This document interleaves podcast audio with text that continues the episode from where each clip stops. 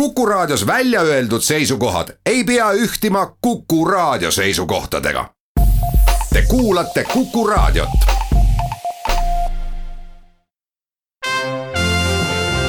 Tallinna Filharmoonia esitleb Filharmooniline huvitaja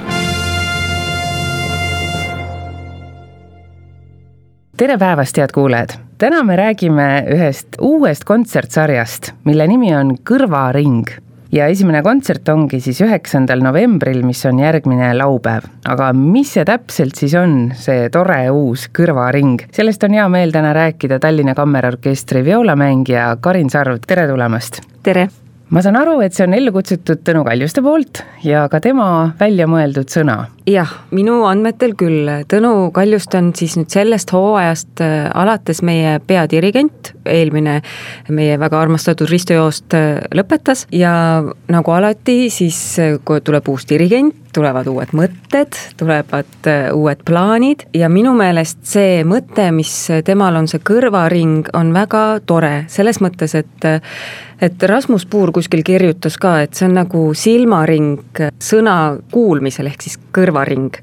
Et ähm, me kutsuksimegi siis saali inimesi, kes võib-olla tahavad natuke laiendada oma teadmisi äh, heliloojatest nagu Mozart, Beethoven kaugemale. Kui neid kavu vaadata, siis need on tõesti hästi huvitavad, seal on hästi ootamatuid äh, heliloojaid sees, võib-olla mis tegelikult võib-olla isegi võiks ära ehmatada, aga kuna need äh, kontserdid on tõesti mõeldud inimestele, et tulge, kuulake, avastage, kui toredat ja head muusikat on kirjutatud, siis mina küll soovitaks soojalt, et tulge ja tõesti kuulake ehk siis mängitaksegi muusikat, mida liiga sageli ei kuule meie kontsertsaalides.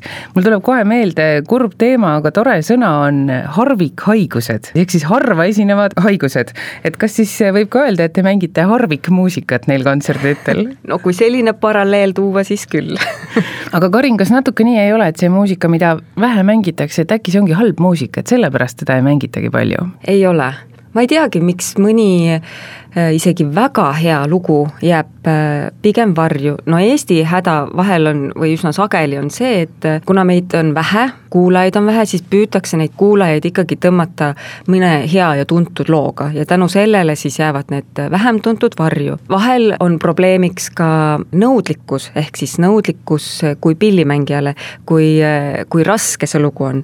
aga mitte vähetähtis pole ka nõudlikkus dirigendile, et need on võib-olla need komponendid, miks vahel ei mängita lugusid nii sageli, kui võiks. kas selle sarja raames te olete siis nii ambitsioonikad, et te mängite muusikat, mida üle maailma väga harva mängitakse või ikkagi Eesti kontekstis, et seda on Eestis vähe mängitud või pole üldse mängitud? ma pigem arvan ikkagi, et Eestis, ma küll ei julge terve maailma koha pealt sõna võtta, sest ma nii hästi kahjuks ei ole maailma muusikaeluga kursis, aga Eestis tõesti neid mängitakse vähe see kontsert siis üheksandal novembril, selle kohta on ka näiteks öeldud, et sarja avakontserdi modernne muusika pakub esitajatele rohkelt väljakutseid.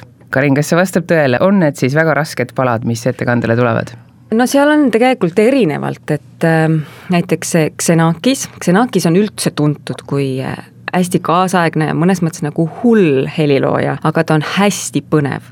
näiteks see Xenakise lugu on, meil kõigil on jälle omad partiid ja, ja siis ta on nagu rõhub rohkem sellele emotsioonile, mitte sellele, et kui ilus muusika see on kui selline. et tähtis on tema jaoks see, mis, millise emotsiooni sa sealt saad ja see on vägev, mis sealt saad. ja loomulikult, kui ma nüüd, ma just eile vaatasin niiviisi huvi pärast, hakkasin harjutama oma neid partiisid no on vaja ikka ette valmistada küll Xenakis äh, oli siis ka arhitekt, nii et võib-olla see annab ka ta muusikale natuke teise mineku. jah, tõenäoliselt on tal seal siis äh, mingit ehituslikumat mõtlemist sees, sellepärast et, et noh, tõesti, kui sa vaatad kas vist partituuri, siis on ikka niisugune, see on niisugune nagu mitmekordne keerulise ehitusega maja ja temalt on siis üks pala sellel kontserdil, eks? Põnev on see, et ettekandele tuleb ka Läti muusikat ja kahju on öelda, aga ikkagi minu meelest küll liiga harva kuuleb Eestis Läti muusikat, kaasaegset muusikat. Arturs Maskats ja Peteris Vasks on need eh, heliloojad, kelle palu te esitate ja Vasksi kohta muidugi on öeldud, et ta on võrreldud teda Arvo Pärdiga, et nad on nagu sama suured ja tähtsad olulised kujud siis vastavalt Läti ja Eesti muusikas. kas see on nii, te olete palju mänginud Pärti kammerorkestriga? Võib-olla kui Vasksi ja Pärti kõrvuti panna, siis ilmselt rahvuslikus ja maailmavaates on nad tõesti sama suured ja sama tähtsad, ma muidugi ei tea, kui palju Vasksi otseselt maailmas mängitakse, Pärt on ju viimaste aastate kõige mängitum helilooja, kaasaegne helilooja, et Vasksi kohta minul isiklikult neid andmeid pole, aga ilmselgelt teda mängitakse palju, aga mis puutub nüüd nende helikeelde, siis mina ei tahaks küll neid ühte patta panna, neil, nad on ikka mõlemad täiesti oma nägu ja oma tundmusega ja õnneks me oleme ka Vasksi mänginud suhteliselt palju. see on tõesti väga kaunis ja ilus muusika kas on tore tunne ka võtta kätte mõni noot heliloojalt, keda sa juba oled mänginud, et on natuke kodusem minna uut teost õppima selle oh, pärast? muidugi, eriti mis puudutab neid heliloojaid, kes veel elus on vahel on isegi tore vaadata, eriti noh, ma küll ei pea ennast vanaks veel, aga aga mõningane kogemus juba on, et, et kuidas mõni helilooja kasvab ja mismoodi on, leiad mingisuguseid sarnasusi eelmiste lugudega, erinevusi, see on hästi põnev ja sa juba tead ja tunnetad natukene tema helikeelt, tead tema raskuspunkte, tema tehnilisi nüansse, muidugi mõni alati üllatab ka ja siis on kavas veel Philip Glass, kes on äh, siis, ma ei tea, kas ma julgen öelda, aga võib-olla neist kõige tuntum äkki Eesti kuulajate jaoks. võib juhtuda küll, sest teda mängitakse ju, teda mängitakse küll maailmas väga palju tegelikult. Eestis millegipärast mitte nii palju, kuigi ta on ju väga hea kõlaline muusika ja ta on palju filmimuusikat ka teinud, et võib-olla sellepärast tuttavam juba. ja ta on niisugune, ei ta on niisugune mõnus kuulamine, ma ei teagi, miks teda Eestis siis ei mängita nii palju. ja siis on ka veel Igor Stravinski, kas tõesti see on ka pala, mida on Eestis vähe mängitud? ei, seda meie oleme isegi mänginud see, ma arvan, et sobib väga hästi sellesse kavasse selles mõttes, et äh, võib-olla liiga tuntud ta ei ole, eks ju, nii tuntud kui Mozart või, või Pärt, eks ju, aga ta on ka niisugune lahe natuke kiiksuga muusika ja samas, mis ei ole üldse väheoluline, ka nõudlik pillimängijale. sest tegelikult see, nii naljakas kui see ka ei tundu, meile, vähemalt Tallinna Kammerorkestri liikmetele meeldib, kui tulevad ikkagi ka rasked kavad. sellepärast, et see on see, mis nagu on see rosin sinu töö juures, mis pakub väljakutseid, pakub põnevust kui kogu aeg mängid head klassikalist muusikat, mis võib-olla oled sadu kordi mänginud, siis võib võib-olla ei ole enam nii sära silmas pillimängijal ja teil on ka väga head solistid sellel kontserdil. on, mina isiklikult tean neist kõige paremini, kes ka dirigeerima siis peaks justkui hakkama, Hugo Dicietit, kes on tegelikult käinud Eestis juba mitmeid kordi. viimati ta oli siin Järvi festivali ajal suvel, kus ta siis astus üles oma kvintetiga ja mängis ka väga põnevat äh, muusikat, ka kaasaegset äh, ja tipptase ja siis tšello virtuoos Julian Arp, kes on siis Saksamaal tegev. jah, kuuldavasti väga kuulus. minul isiklikud kontaktid temaga kahjuks puuduvad, aga aga mm, Eesti tšellomängijad oskavad kindlasti väga palju põnevat tema kohta rääkida. Hugo Dicciati, kes siis on solist ja ühtlasi astub ka dirigendina sellel kontserdil üles. mida see tähendab orkestrandi jaoks, et solist on samal ajal ka dirigent? no kui võtta arvesse, et Tallinna Kammerorkester on keelpilliorkester ja meid on vähe, siis see on justkui ideaalvariant äh, keelpillimängijale, et tuleb maailma tasemel keelpillimängijad, see ei pea olema tegelikult ju välismaalane, eestlaste seast on ka niisuguseid olemas ja on käinud ka meie ees.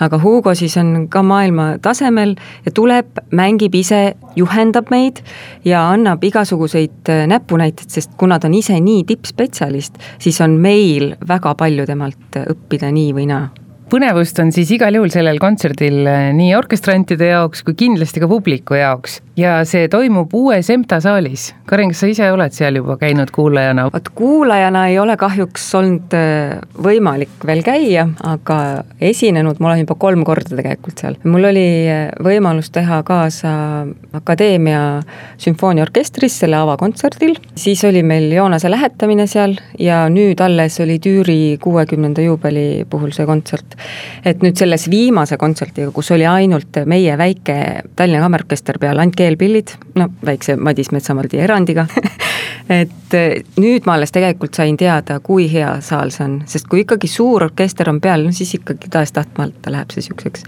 võib-olla rohkem müralikumaks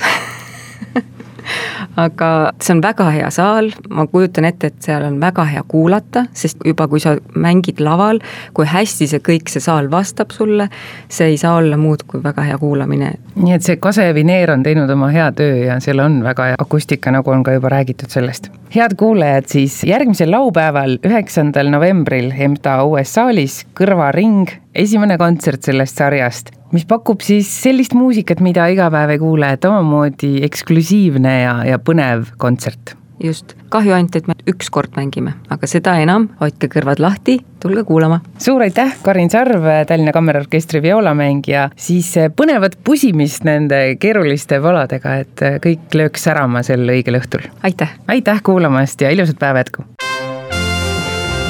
Tallinna Filharmoonia esitleb Filharmooniline huvitaja